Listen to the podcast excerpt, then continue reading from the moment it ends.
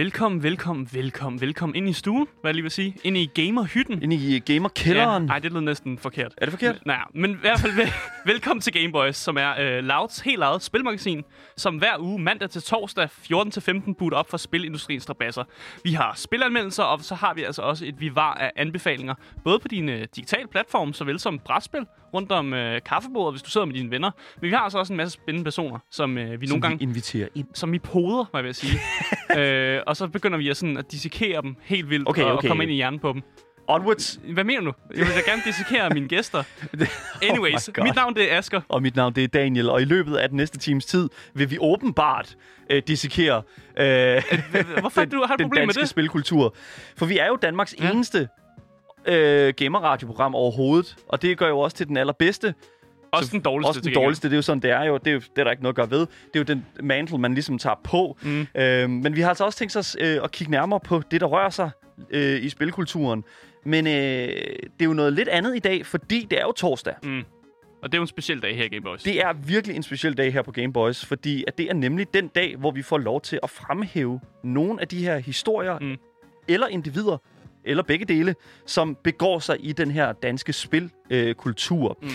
øh, det har blandt andet ført os øh, i samtale med Bo Thomasen, som er manden bag Danmarks mest populære brætspilscafé, Bastard Caféen. Mm-hmm. Øh, Virkelig fed samtale, vi Virkelig, virkelig Ja. vanvittig fed samtale omkring brætspil og hele kulturen, der er Og hvordan det. man, man laver sådan en brætspilshybel, og hvordan man Ja. går fra at bare have folk op i sin lejlighed og spille brætspil, til at man lige pludselig laver en forretning ud af det. Ja, lige præcis. Men vi har altså også talt med retrokongen, Bobby Ågren, Ja, for satan. som... Øh, Han rocker altså noget garn. Det gør Ja. han altså virkelig. Han er altså 80'ernes... Øh, altså, han er, en, han er en blanding, sådan en fusion af 80'ernes spilkonsoller og hurtigt hår.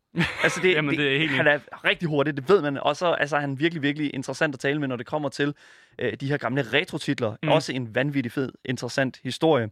Øh, men en anden ting, som vi også er nødt til at fremhæve i dag, det er jo faktisk, at Asker, Ja. du og jeg, vi har øh, dags dato med det her program haft øh, produceret 100 episoder Ja. af Game Boys. Og det er også, hvis man tæller de rigtig dårlige med. Det er simpelthen, hvis man taler, øh, også tæller, tæller de første 10 med, som øh, aldrig nogensinde er foregået i mit hoved i hvert fald. Men jeg synes lige, vi skal, vi, skal vi have et horn? Ja, det kan vi da godt. Skal vi tage hornet? Vi kan godt tage hornet. Sådan der. Det var meget, meget lavt horn. Lav, vi kan godt tage lige for igen. Sådan, sådan er vi. To Åh. horn for øh, et for hvert nul i øh, de, øh, 100 episoder, vi har lavet.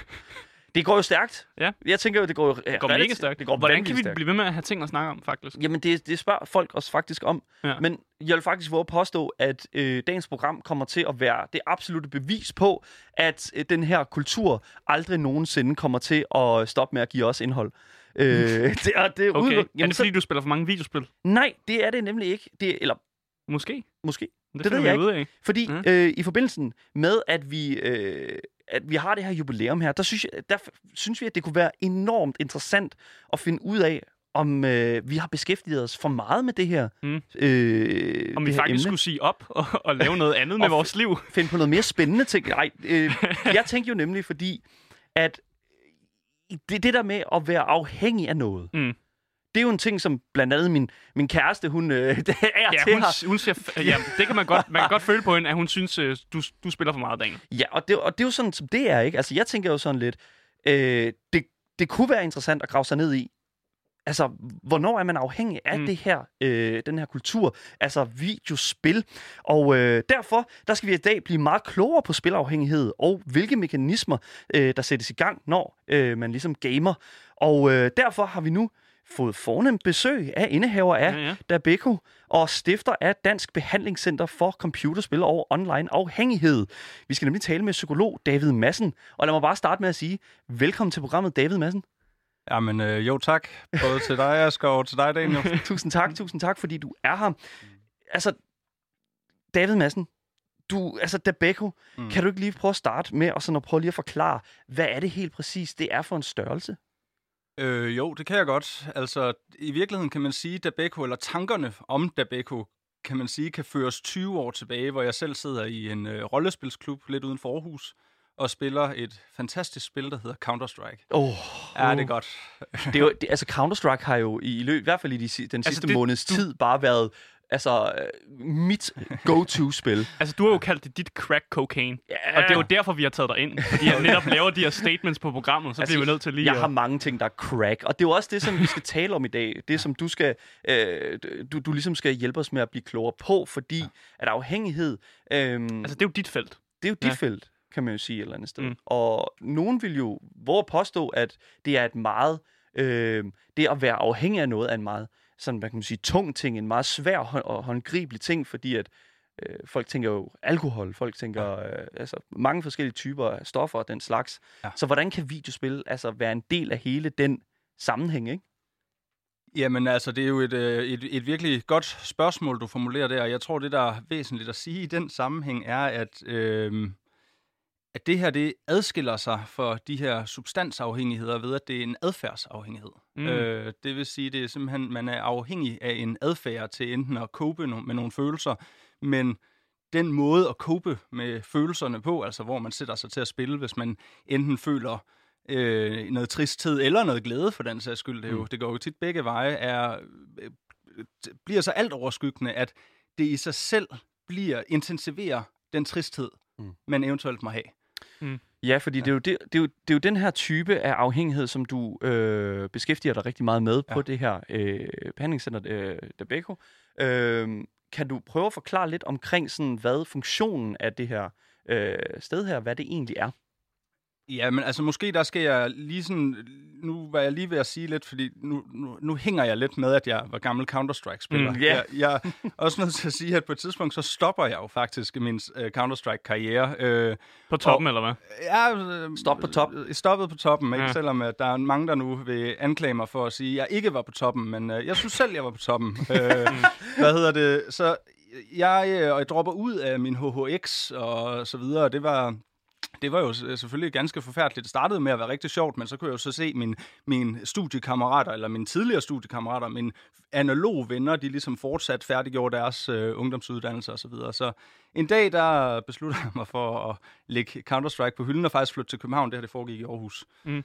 Øh, hvor jeg så får, jeg uddanner mig efter mange års øh, uddannelse som psykolog og så videre, og får et, øh, får et job i beskæftigelsessektoren, hvor jeg skal sidde med stresssygemeldte medarbejdere. Mm. Og nu er vi sådan 18, 18 år senere henne. Og okay. der kan jeg jo så høre, at øh, det her stress her, det er jo ret ofte bundet på, ikke noget i arbejdslivet, men bundet på en eller anden manglende kontakt til børnene derhjemme.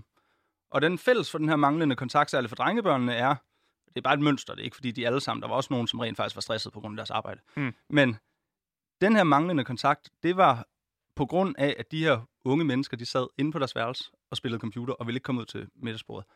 Så får jeg lige bare lige helt hurtigt, så får jeg et andet job, hvor jeg skulle sidde med unge voksne på nærmest min egen alder, der stod uden for arbejdsmarkedet. Okay.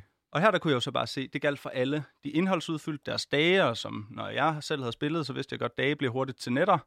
Mm. Og effekten er det samme, når man sidder og spiller en hel nat. Man kommer simpelthen ikke op.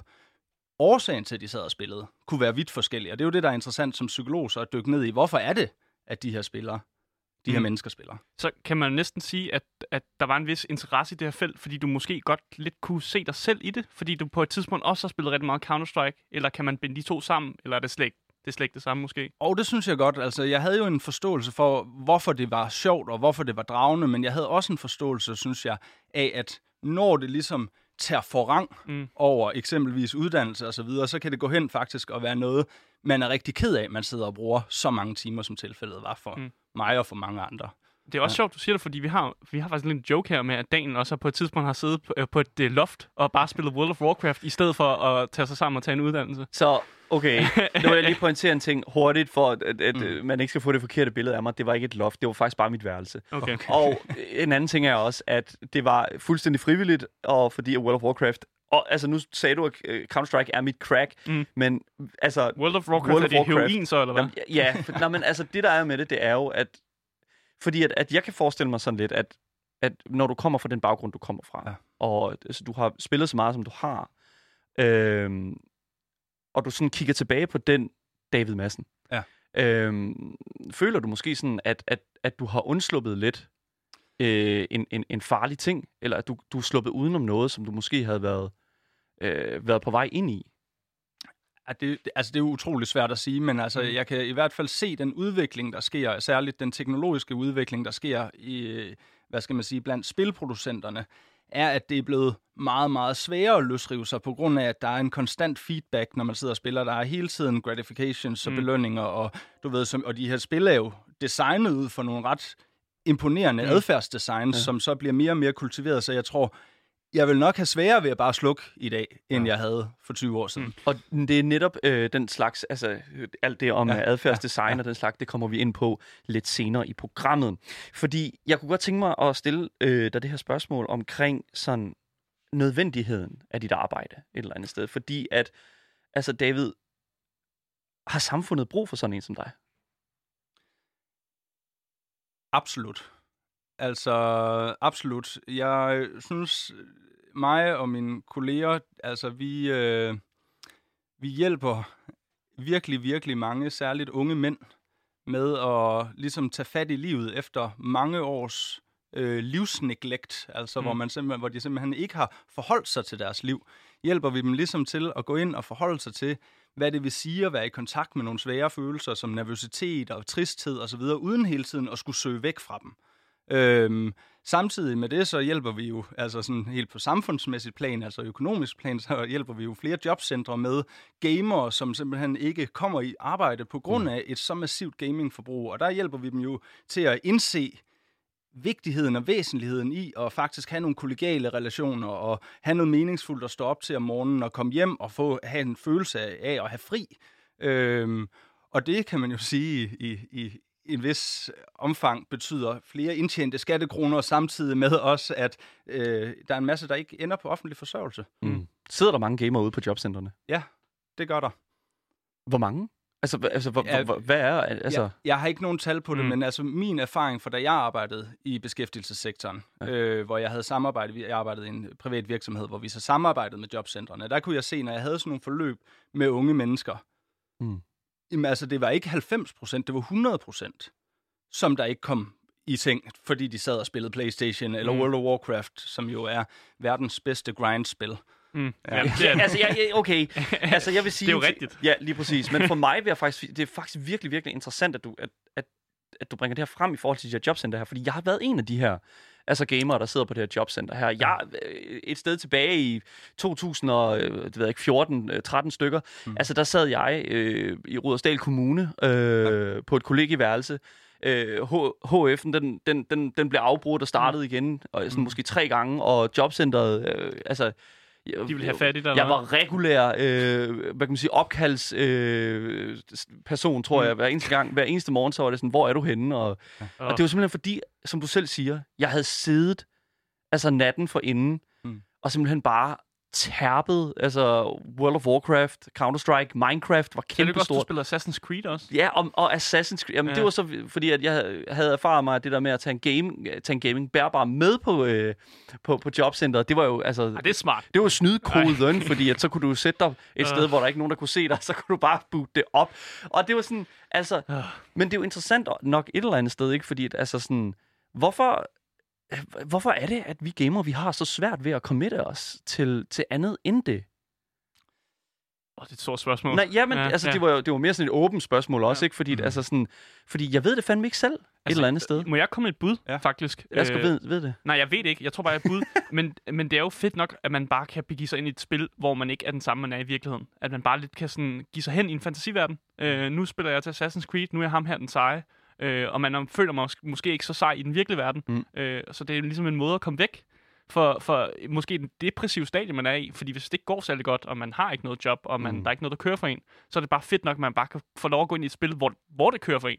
Øh, og det tror jeg er mit bud. Jeg ved ikke, om det er rigtigt, om det bunder i noget. Altså, jeg, jeg, absolut. Jeg, for, en, for en stor øh, del af, af, af gamere, så, altså, du ved, hvor det bliver så massivt og så alt overskyggende, så, er det, så handler det ret ofte om, at der er et eller andet i livet, som på en eller anden måde er rigtig, rigtig svært for dem at forholde sig til. Mm. Øh, og det kan sagtens være noget tristhed, eller noget depression, eller noget angst.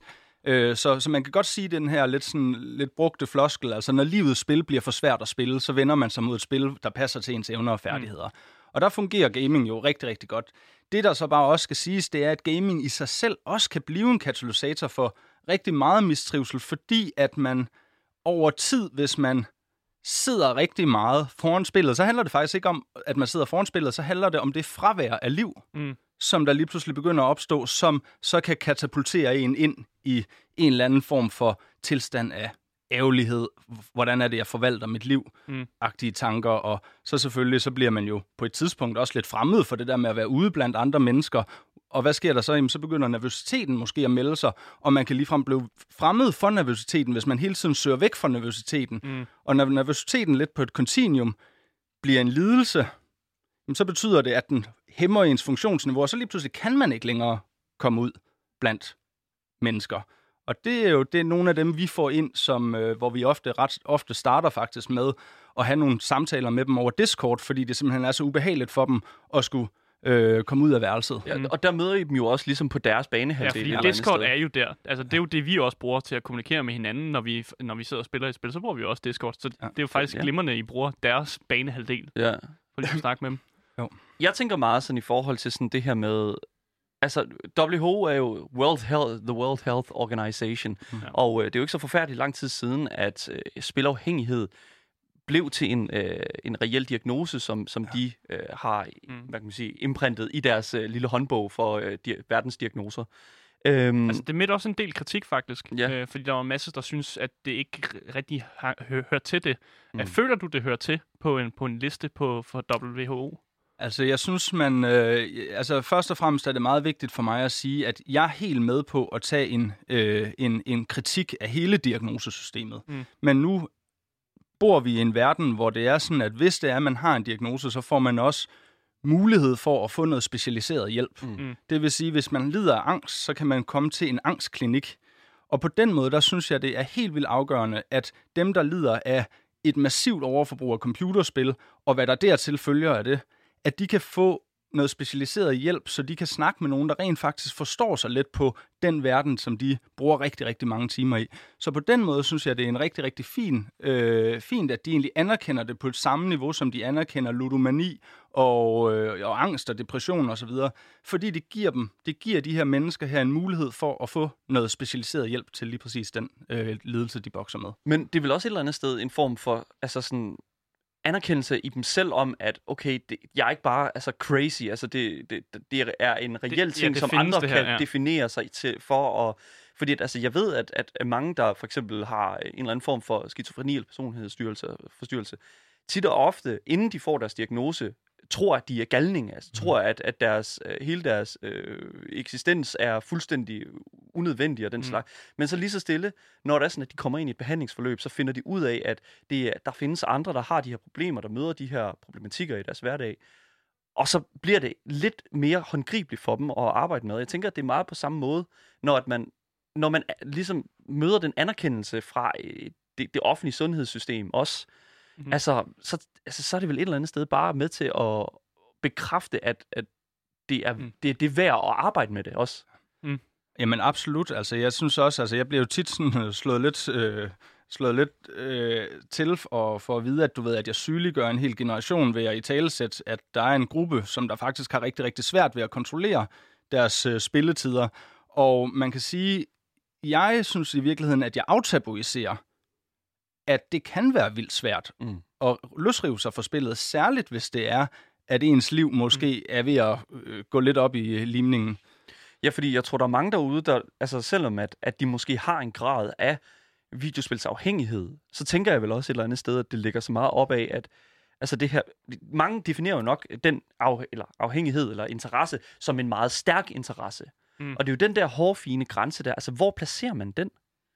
Altså, den er egentlig ikke så svær at placere, fordi øh, altså, den, ligger i, den ligger i en form for, for, for melankoli eller tristhed. Altså er der en form for tristhed forbundet med det, man gør mm. Med sit liv. Øh, hvis det er tilfældet, og der kan man så sige, at grunden til, at den her formentlig er blevet anerkendt som en diagnose, det er, at de har kigget på gruppen af gamere, og så set, der er faktisk rigtig mange, der gamer, selvom de egentlig hellere vil gøre noget andet. Og når den tristhed begynder at melde sig, den, den, den vokser inde i en, selvom man sidder og spiller, og jamen altså, det er der, den ligger. Hvis, altså, jeg vil aldrig gå ud eksempelvis og sige, at, at Astralis, de var gaming-afhængige, mm. fordi at de spiller meget computer. de flyver verden rundt, de er fysisk sammen med venner og kollegaer og øh, så videre, og så har de bare en rigtig stærk interesse for gaming. Men jeg vil sige til de mennesker, som sidder alene inde på et øh, studieværelse, eller en, en, en etværelseslejlighed, eller et gammelt nedlagt øh, landbrug, at, øh, at, at det er... Ja, det ved jeg heller ikke lige, hvorfor den kom ind, men det er fordi... Det, ja. ude bag mig, tærskeren. Ja, ude bag mig, tærskeren. altså, der synes jeg, der synes jeg at, at, at, at man skal kigge på, lever de i virkeligheden et liv, som er kongruent til det, som de ønsker? Mm. Og hvis mm. nej, så er det klart, så melder tristhed. Øh, så tristhed, nogle gange så bliver det jo talt som om, at computerspilsafhængighed, det er altid et symptom på, øh, på, på, på, noget, øh, altså på nogle tanker og følelser, som kan være uhensigtsmæssige, som eksempelvis depression eller angst. Men depression eller angst, det er bare meget vigtigt at sige, det er jo ikke sådan noget med, at man lige pludselig går man en dag, og så rammer angsten ned fra himlen, eller depressionen rammer ned fra himlen. Angst og depression er det, man kalder eksistentielle lidelser, og er en til en bundet op på, hvorvidt du lever et liv, der er i overensstemmelse med de ting, som er vigtige og væsentlige i dit liv. Og hvis du ikke gør det, mm. så rammer der altså en form for depression. Så ja.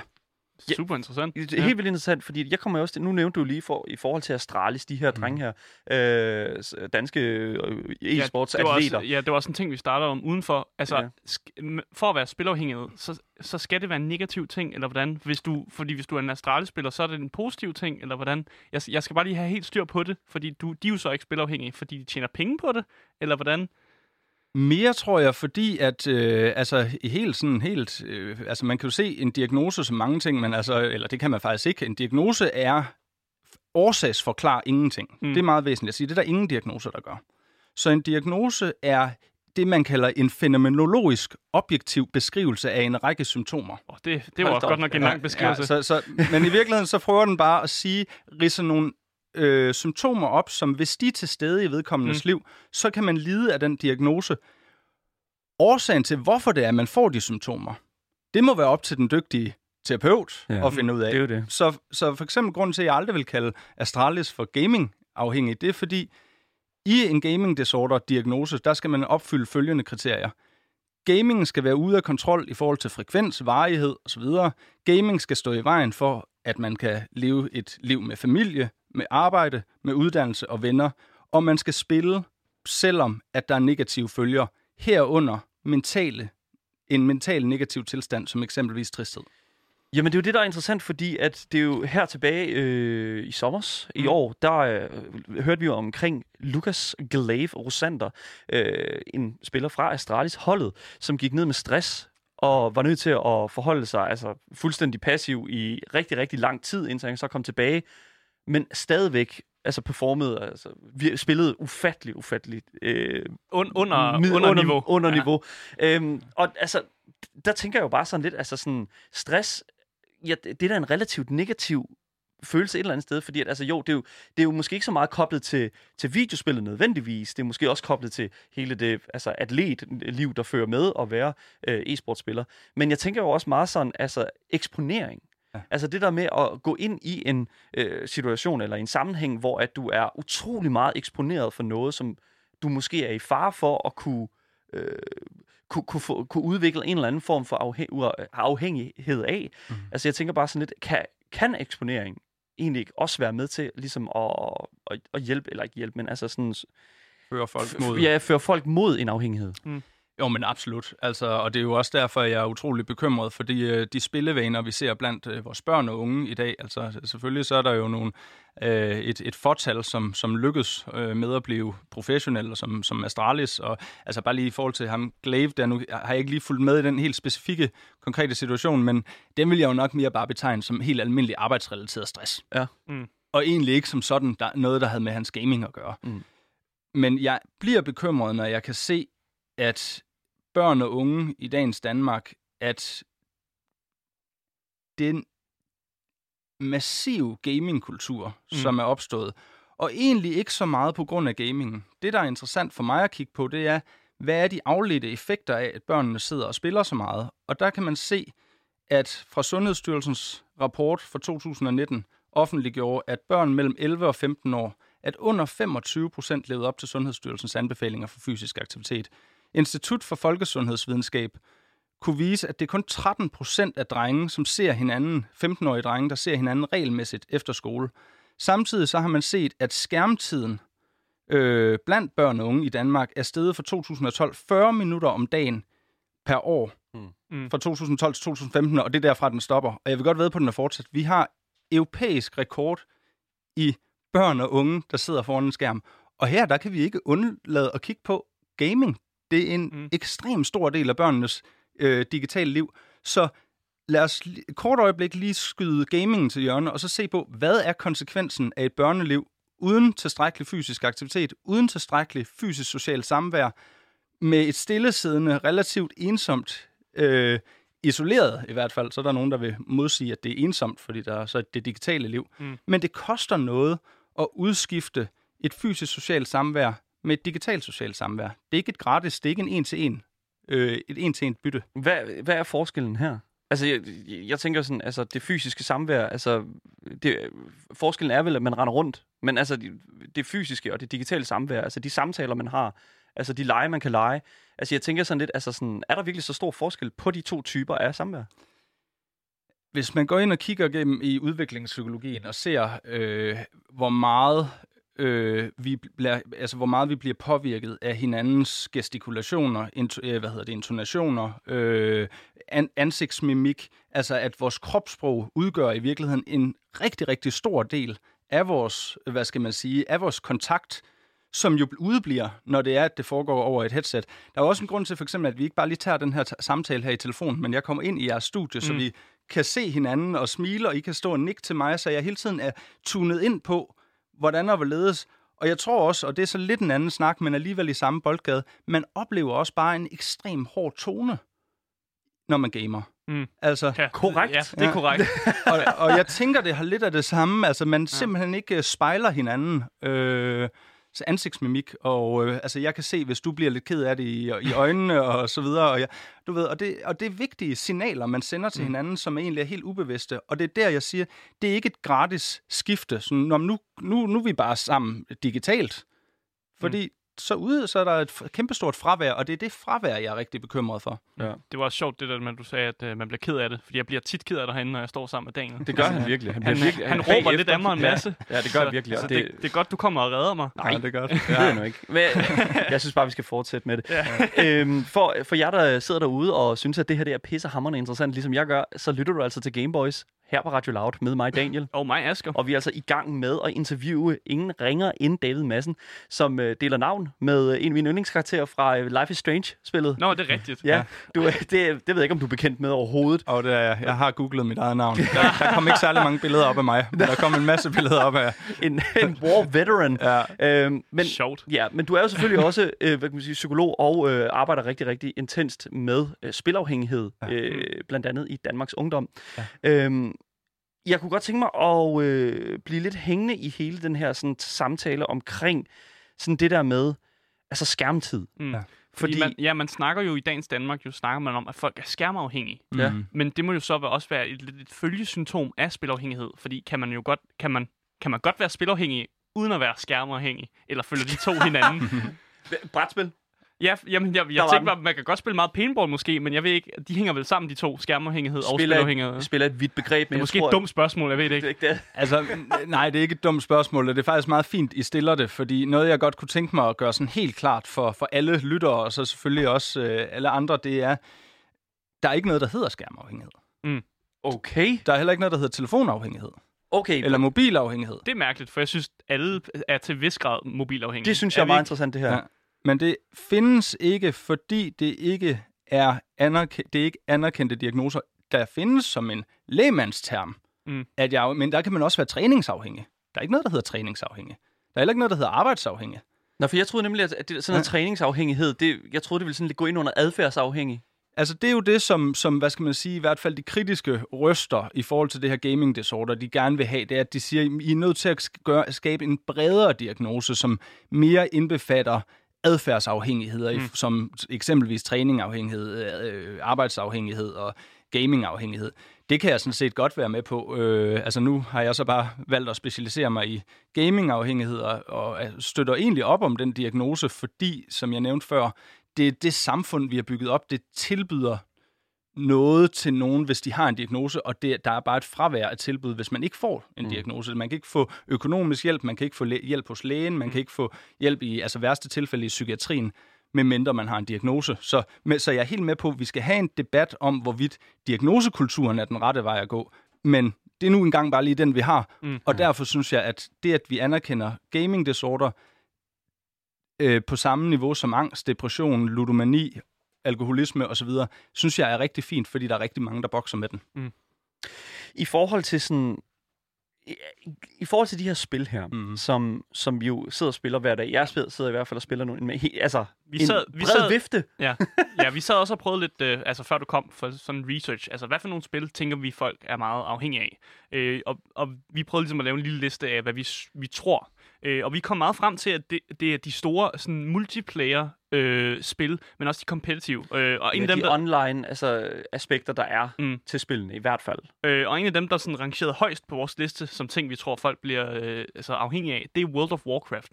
Er, ja. det, er det en ting, som du kan... Er, er, det, er det et af de spil, som sådan ringer topklokken, at det spil, man bliver afhængig af? Absolut. Crack. Ja. altså, det er, det er, nu vil jeg ikke sige for meget, men jeg vil sige, at den måde, som, som, som hele den der altså, morp-genre, som uh, World of Warcraft mm. tilhører, øh, er jo bygget op omkring netop, altså de, det var jo faktisk den første genre, som fuldstændig fjernede singleplayer-gamet. Mm. Og hvad fandt de så ud af? Så kunne de lave et spil uden noget endgame. Og det er jo faktisk ret interessant, fordi lige pludselig, så kan du bare logge dig på den her verden, uanset hvad tid på døgnet, der vil altid være en masse andre spillere og så videre. Og så er det jo lige pludselig, man har fat i noget, som er helt sådan biologisk bestemt for os, og helt altså evolutionspsykologisk kan man sige, at så lige pludselig så forpligter man sig til andre mennesker mm. derude. Så bare lige sådan en ting, altså jeg har flere klienter, så har de måske officerer i et guild med 600, med, øh, 600 guild me- ja. members, så har de jo forpligtelser på mellem 40 og 60 timer om ugen. Og det er jo også 40 eller 60 timers fravær mm af arbejdsliv, af kærlighed, af kærester og investering i familie og børn og yes. så videre. Ja. Yes, jeg, Sådan, synes, jeg synes bare, det var sjovt, da vi gik igennem det her, øh, ja. fordi der var jo ikke nogen, jeg kunne ikke komme i tanke om nogen sådan store singleplayer-spil, hvor jeg, hvor jeg følte, det er noget, man bliver afhængig af. Skyrim. Sk- måske Skyrim lidt, men igen, det var meget sådan øh, Counter-Strike, League of Legends, Fortnite, mm. de her multiplayer-spil, hvor man rent faktisk interagerer med andre, øh, i hvert fald sit hold, eller man kan det var dem, der ligesom toppede ud på vores liste i hvert fald. Det skal jo lige siges, at World of Warcraft har gennemgået relativt mange iterationer nu. Altså det, mm. i 2009 måde havde de deres højdepunkt på 12 millioner mm. Øh, spillere på samme tid, mm. øh, og senere da er det så begyndt at blive dalende og faktisk blive en meget mere en single-player mm. øh, oplevelse. Men det, det, der er med det, det er jo at grund til, at vi nævner World of Warcraft og så også Counter-Strike, League of Legends, Fortnite. Mm. Det er jo, at jeg føler også, at der er en forskel på sådan... Altså jo, de er begge to online, men der er også altså, der, der er også forskel på kom, det kompetitive niveau, tænker mm. jeg sådan et eller andet sted. Counter-Strike, kæmpestort, højt kompetitivt niveau, mm. hvor World of Warcraft jo er meget mere sådan altså, øh, det, det, det er et meget mere sådan kulturelt mm. øh, og meget mere sådan øh, ja, gængst dagligdags øh, simulator, hvis man kan sige det mm. på den måde, ikke? Absolut. Så, jeg tror også bare gerne, jeg vil høre, om der var nogen, altså, er der nogle spil, vi misser her på listen? Ja. Øh, det, var lidt, det, det var lidt det, vi havde det her. er der nogle spil, som du ser, som er nogen, der ligesom man måske ikke lægger mærke til? Jamen altså, der er jo, øh, altså folk kommer jo ind med, med, altså der er jo også nogen, som er afhængige af deres mobilspil. Ja. Du ved, okay. så er det ofte de lidt det ældre mænd, på. Øh, ja. som, som sidder, og det er jo ret ofte de her singleplayer-spil, som man så også lige pludselig kan komme til at bruge en masse penge på. Øh, og så har vi jo selvfølgelig sådan noget som... Øh, at den hedder... Angry Birds måske? Ej, ja. Men altså Candy Crush, og, Candy Crush. og du ved, og det er jo... Ja, så der, så der, på mange måder, altså man kan jo sige noget af det, der er ret interessant i virkeligheden, det er, der er faktisk en, man kan se, der er en, nærmest sådan en personlighedsforskel for dem, som der spiller de her kompetitive øh, FPS-spil, altså mm. first-person shooter-spil, som eksempelvis Counter-Strike ja. og øh, hvad hedder League det? of Legends, League, ja. League of Legends, uh, MOBA-spillet der, mm. øh, og så, så World of Warcraft. Ja. Fordi World of Warcraft er netop, som du siger, det er måske lidt mere en kultur, hvor dem, der spiller rigtig meget Counter-Strike og rigtig meget øh, League of Legends, er også mere tilbøjelige til at se en masse YouTube indimellem. Ja. Så du mm. ved, hvor, hvor, hvor, hvor, hvor dem, der spiller World of Warcraft, de dyrker virkelig spillet, og du ved, så kan det godt være, at de har noget YouTube kørende ved siden af, men de, de spiller rent faktisk rigtig, rigtig meget, hvor måske de her mere kompetitive spil, de er de kræver også noget mere, mm. så man er også nødt til at have nogle pauser, hvor man så kan sidde og se Twitch eller YouTube. Oh ja, fordi, ja. Og, det, og det kan jeg kun sige af, af personlig erfaring, fordi det er altså sådan, efter sådan, du ved, det der sådan runde nummer 20, ikke? I Counter-Strike. Jesus Christ. Så man, Runde nummer 20. ja, så man Spiller du 20 runder i træk, når du spiller Counter-Strike? Altså, jeg nu siger der er øh, Det gør du. op til 30. Altså, det der er, gør så. Jeg siger, der er op til... Du skal jo vinde øh, omkring 16 runder for at vinde et Counter-Strike-spil. Ja, hvis Så du jeg skal siger- spille en hel sådan... Så ja. hvis det er sådan, I ligger og kører op, og så når det bliver til runde 20 lige Okay. pludselig, er det fuldstændig mm. vanvittigt. Altså, så sidder du jo der tilbage, og har vir- altså, i, det ved jeg i hvert fald fra mig selv, er fuldstændig udtømt for den der sådan, hul, specielt hvis man har tabt. Men det er så også en anden ting, fordi at, altså, det er jo det er jo det også det der, altså hvad er det? Hvad, hvor ligger forskellen på, på de spil, som vi har i dag, og så de spil, som vi ligesom har øh, set, altså fra fortiden for eksempel? Ja, for jeg synes ikke, man hører så meget om nogen, der er blevet spilafhængig af øh, Command and Conquer, for eksempel. Det, det er ikke noget, man ser. Red Alert. Ja, eller sådan noget i den stil. Det synes jeg ikke, vi hører om. Ah, der, er- der er nogen, som, hvad det hedder, det der Elver, Elver, Elder Scrolls? Elder Scrolls, ja, Ja. Øh, har jeg også haft nogen inde, som der virkelig har haft et fuldstændig massivt øh, gaming, og der er også mange, der fra StarCraft 2 og så videre har også. Mm. Men ellers, altså bare lige for at svare på det, så er der jo også Dota 2, vil jeg næsten sige. Der er flere end League of Legends, mm. Oh, yeah. der, der, der virkelig har det svært ved at løsrive sig Dota. Og så Ja. ja. jamen, også nogle spil som RuneScape og lidt ældre, øh, altså af de her multiplayer online-spil. Mm. Øhm, altså det, der er sket, tror jeg, det er, at, og det er jo også det, jeg kan se øh, fra da jeg selv spillede. Altså der var man nødt til at gå ind på en tredjeparts hjemmeside og ligesom øh, skrive, hvad er det, hvad, hvad blev resultatet, og du ved, og det var mm. en stor, stor proces at skulle sådan ligesom få en feedback i forhold til, hvor man ligger. Mm. Så da jeg startede Debeco op her for en fire, fire og en halv års siden, tid siden, så går jeg ind og bare lige sådan, hvad, hvad rører sig på, på gamermarkedet? Og du ved, så sætter jeg mig og spiller mit gode gamle Counter-Strike-spil. Sådan. Og hvad sker der? Jeg bliver jo bombarderet med feedback. Mm. Jeg er hele tiden opmærksom på, hvor jeg rangerer henne og så videre. Og så kan man sige, okay, men hvorfor sådan et spil som World of Warcraft, hvorfor kan det, hvorfor kan det fortsætte? Og nu har, du ved, efter at have haft, jeg ved ikke hvor mange sæsoner, så, laver, øh, så installerer de bare Classic. Så kan de starte hele møllen forfra. Så er vi tilbage igen, ja. Altså, Ja. som, men altså, hvis man kigger på sådan helt lavpraktisk, hvordan er de her spil designet? Så lad os kigge på sådan et spil som, som et grindspil som, som World of Warcraft. Går vi 100 år tilbage, så finder man en adfærdspsykolog, der hedder B.F. Skinner. Han vil gerne prøve at se, om han kunne manipulere en adfærd. Så mm. det han gjorde, det var, at han tog en meget, meget sulten rotte, lagde ned i en boks, hvor han havde installeret en pedal. Så når boksen, eller når rotten løb ind i pedalen, så fik øh, rotten en godbid. Så det finder han så ud af, at det kunne han så lære den her rotte ved at stille den ned i tilsvarende øh, øh, bokse, mm. og de gik resolut hen til boksen, indtil rotten blev mæt. Og så nu sker der noget, fordi så stoppede rotten jo med at løbe ind i den her.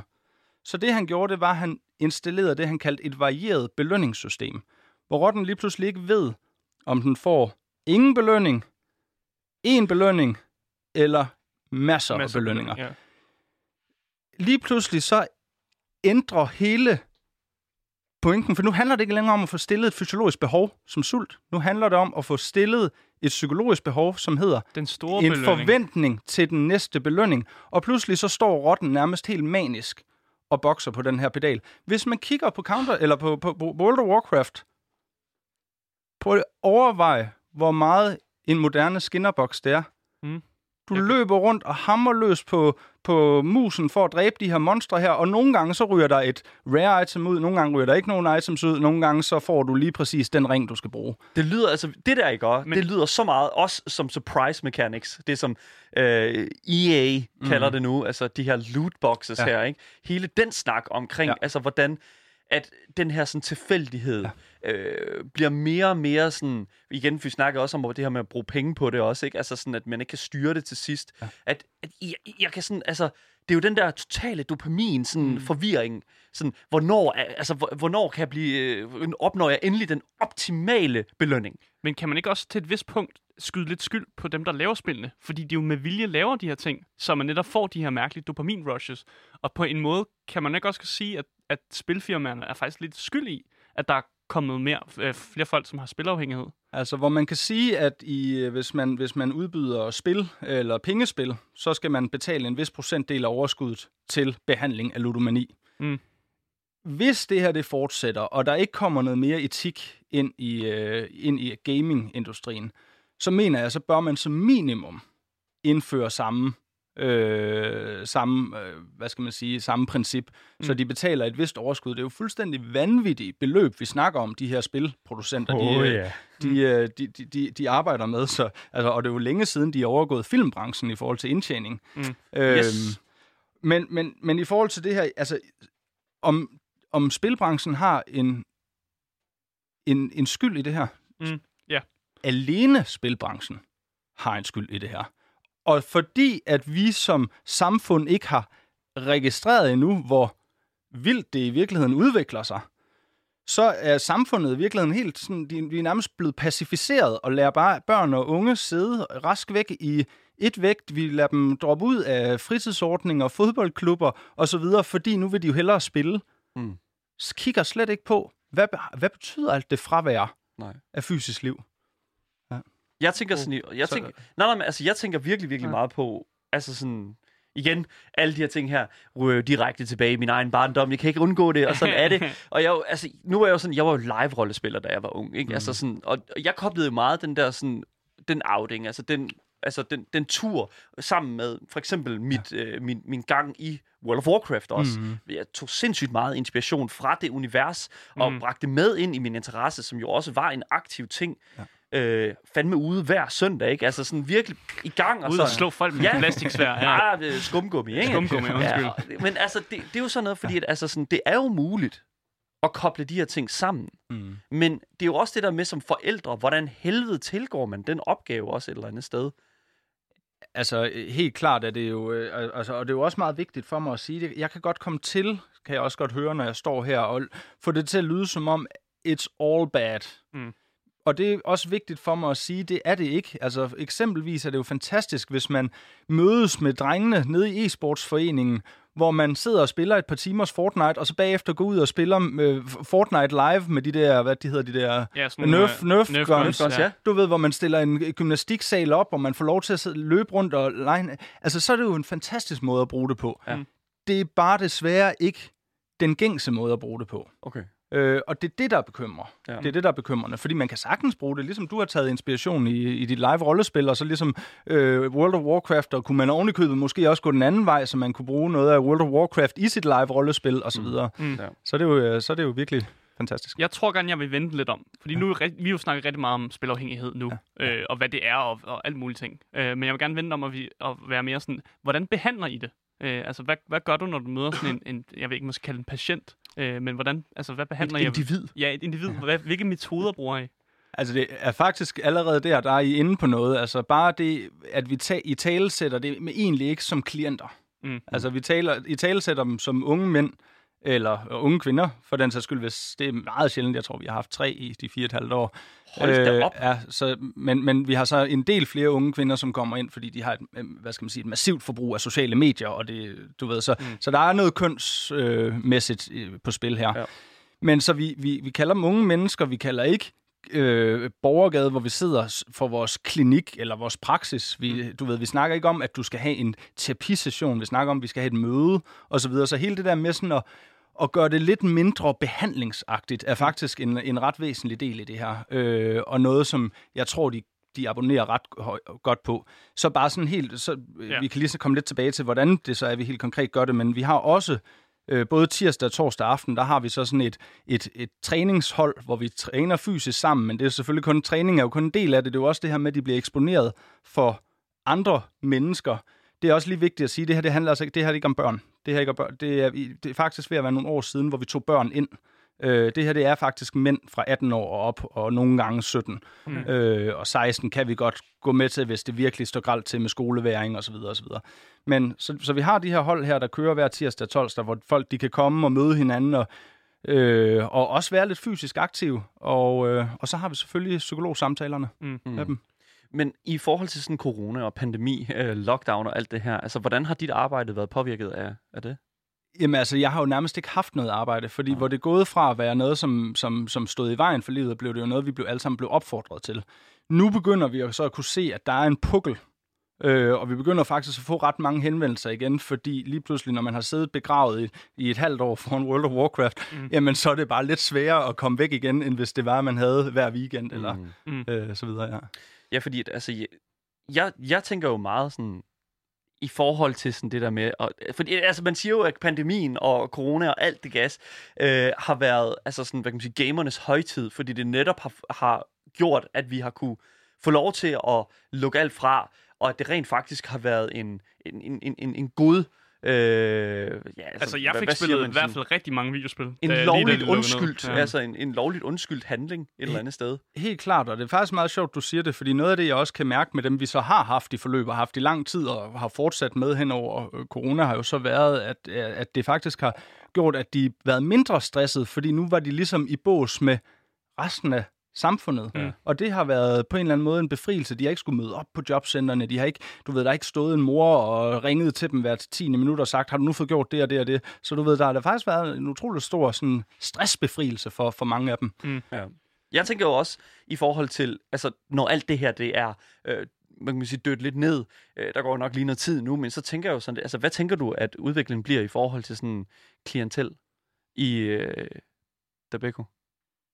Øh, jeg håber ikke, at, at det stiger. Jeg håber, at folk de formår på en eller anden måde, og jeg prøver, vi prøver jo også meget at råbe det op og ude og holde mange foredrag omkring det her på skoler og i forvaltning og i jobcentre osv. Og, og jeg håber lidt, at det, at vi ligesom er så meget ude at sige, vær nu varsom og sikre nu den gode, sunde balance, sikre nu, at jeres børn også får noget lys og frisk luft og noget fysisk samvær med deres øh, jævnaldrende. Jeg håber, at det kan være med til, at der kommer en lidt større kollektiv forståelse af, at gaming kan være sjovt, Ja. Mm. og gaming kan være lyststyret, men det er ikke nødvendigvis det, der er vigtigt. Og det øh, giver det mening. Det gør det. Jo, Ja. det gør det. Ja. Det gør det.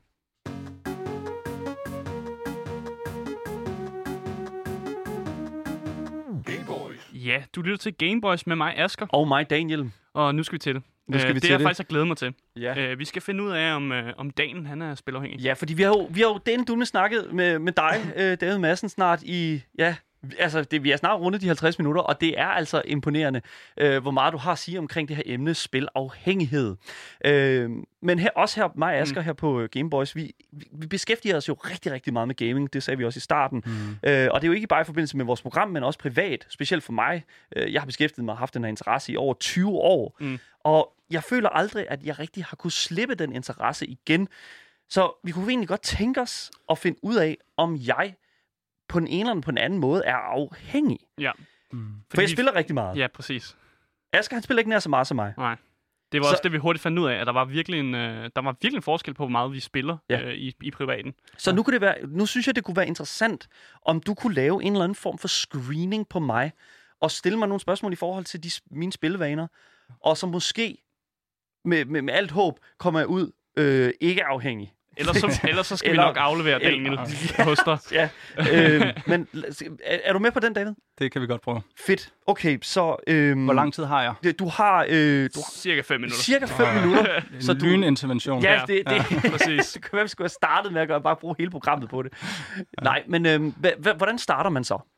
Jamen, altså, jeg vil jo starte med lige at høre lidt ind til, hvad det er, du spiller, og så vil jeg jo sige det her med, at jamen, altså, al vores adfærd, alt hvad vi gør i den her tilværelse, går i en af to retninger. Mm. Altså, den fører enten mod noget, som er ønskværdigt for os, eller også søger den væk fra noget, som er uønskværdigt for Ja. os. Mm. Så jeg vil nok starte med at spørge sådan først, hvad du spiller. Ja, okay. Jamen, jeg spiller rigtig meget øh, World of Warcraft. Ja. Counter-Strike har været en kæmpe, kæmpe stor interesse for mig Ja. øh, hele mit liv, men Ja. nu er den virkelig begyndt at toppe op igen. Øhm, og ellers øh, de her mange sådan, nyheder, som, som der dukker op. Øh, dealer, der har jo lige været Fall Guys, øh, men også det her sådan, øh, Among Us. Among så Us, ja. som er sådan et øh, beskyldningsgæt. Øh, hvem er, hvem er øh, forbryderen i Ja. et kollektiv? Sådan den slags, ikke? Sådan den, den type spil. Det giver rigtig god mening. Må jeg så spørge dig, at, øh, hvad, hvad du får ud af det her? Altså, hvis vi skal gå den retning, hvis Mm. din adfærd ligesom skal være hen mod det ønsk- ønskværdige, hvad er det så, du opnår ved at sidde og spille? Så jeg, øh, jeg kommer originalt fra Horsens, mm. og øh, har gået på efterskole i øh, øh, hvad hedder nu, Djursland, mm. På en efterskole, der hedder Femmøller Efterskole. Ja. Og øh, derigennem, der har jeg fået nogle helt fantastiske venner, som alle sammen bor i Aarhusområdet. Øh, I tidligt i, min, øh, i mit liv, der flyttede jeg til København, fordi jeg fandt mig en fantastisk kæreste øh, herovre fra Nordsjælland, og øh, vi bor nu sammen her inde i København. Men øh, det gør jo så, at øh, jeg ikke ser de her Aarhus-drenge så ofte, og øh, de her spil, Counter-Strike, alle de her forskellige øh, party games, øh, bruger jeg, spiller jeg jo sammen med de her øh, drenge fra Aarhus, som jeg ikke ser så ofte, blandt andet igennem øh, over Discord, hvor vi så sidder og snakker sammen, mens vi spiller. Helt klart. Så noget af det, jeg hører, du i hvert fald får ud af det, det er, at der er sådan en social komponent. Mm. Der er en form for tilknytning til en tidligere gruppe venner, som Ja. du faktisk kan bibeholde gennem din gaming og gennem dit Discord. Ja. Præcis. Må jeg så prøve at spørge, fordi hvis vi så trækker adfærden i den anden retning, så mm. handler det jo så om det her med, om der er nogle steder, hvor du får brug for at på en eller anden måde pause livet, eller du ved, få en pause fra det, eller du ved, øh, altså søge væk fra det gennem gamingen. Er der nogle områder i dit liv, hvor det er rigtig svært? Og nu må du jo undskylde, men nu har jeg jo tavshedspligt, bortset fra hele Danmarks befolkning. Jo lytter Jamen, jeg med, deler men- gerne ud. Ja, Jeg deler okay. gerne ud. Men Det er helt okay. Øhm, ja, øh, gerne. Øh, hver eneste gang, jeg kommer hjem, så vil jeg gerne have øh, en til to timer,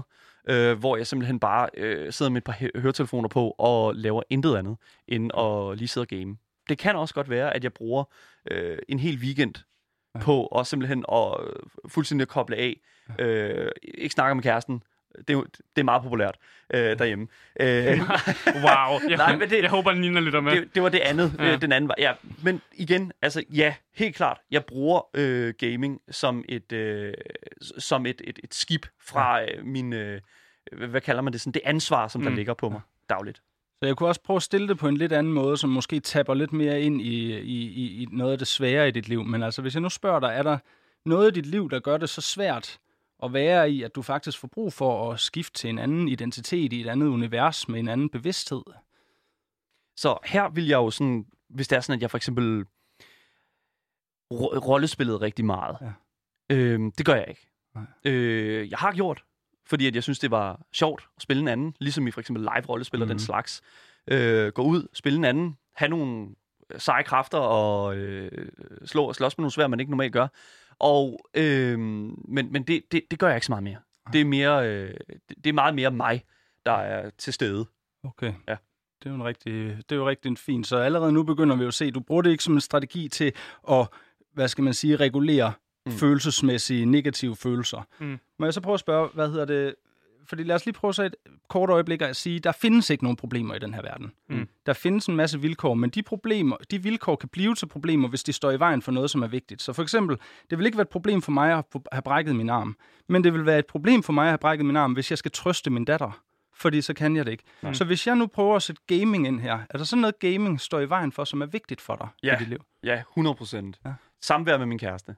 Bang. Og det, og det er jo altså sådan, altså det, men, men det er jo fordi, også ikke alt andet sted, at det også er gået hen og blevet mit arbejde. Ja. Øh, det er i hvert fald den officielle historie. Men Oh, Udover hvad er den det- uofficielle historie, så? det, er jo, det er jo så Ja. for inden da, at øh, jeg også gjorde det inden. Ja.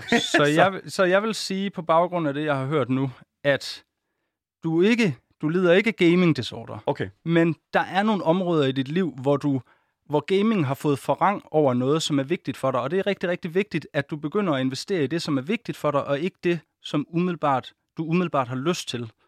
Og det vil faktisk nok være, være den samtale, jeg vil have med dig. Og så vil jeg sige, at øh, jeg måske synes, at du kan ringe, hvis det er, at øh, du også mister job og så videre. det er jeg rigtig glad for at høre. Tusind tak for det.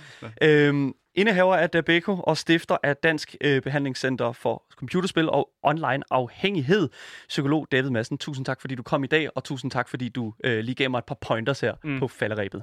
Selv tak. Ja, du har lyttet til Gameboys med mig, Asker. Og mig, Daniel. Og det var altså alt, hvad vi havde for øh, denne gang. Hvis I har nogle spørgsmål til os, eller øh, David Madsen for den skyld, så kan jeg så skrive til vores e-mail, som er gameboys.radioloud.dk, eller kontakt Louds egen Instagram-profil, som hedder radio.loud.dk. Ja, lige præcis. Og I kan selvfølgelig også, hvis I vil læse mere omkring Dabeco, så kan I gå ind på dabeco.dk og læse mere omkring David Madsen og hans arbejde. Det har simpelthen været den største fornøjelse at sende for jer. Dagens program kommer ud på øh, podcast øh, alle steder, hvis I søger på det gyldne navn. Game Boys. Ja, vi ses selvfølgelig igen en gang i næste uge,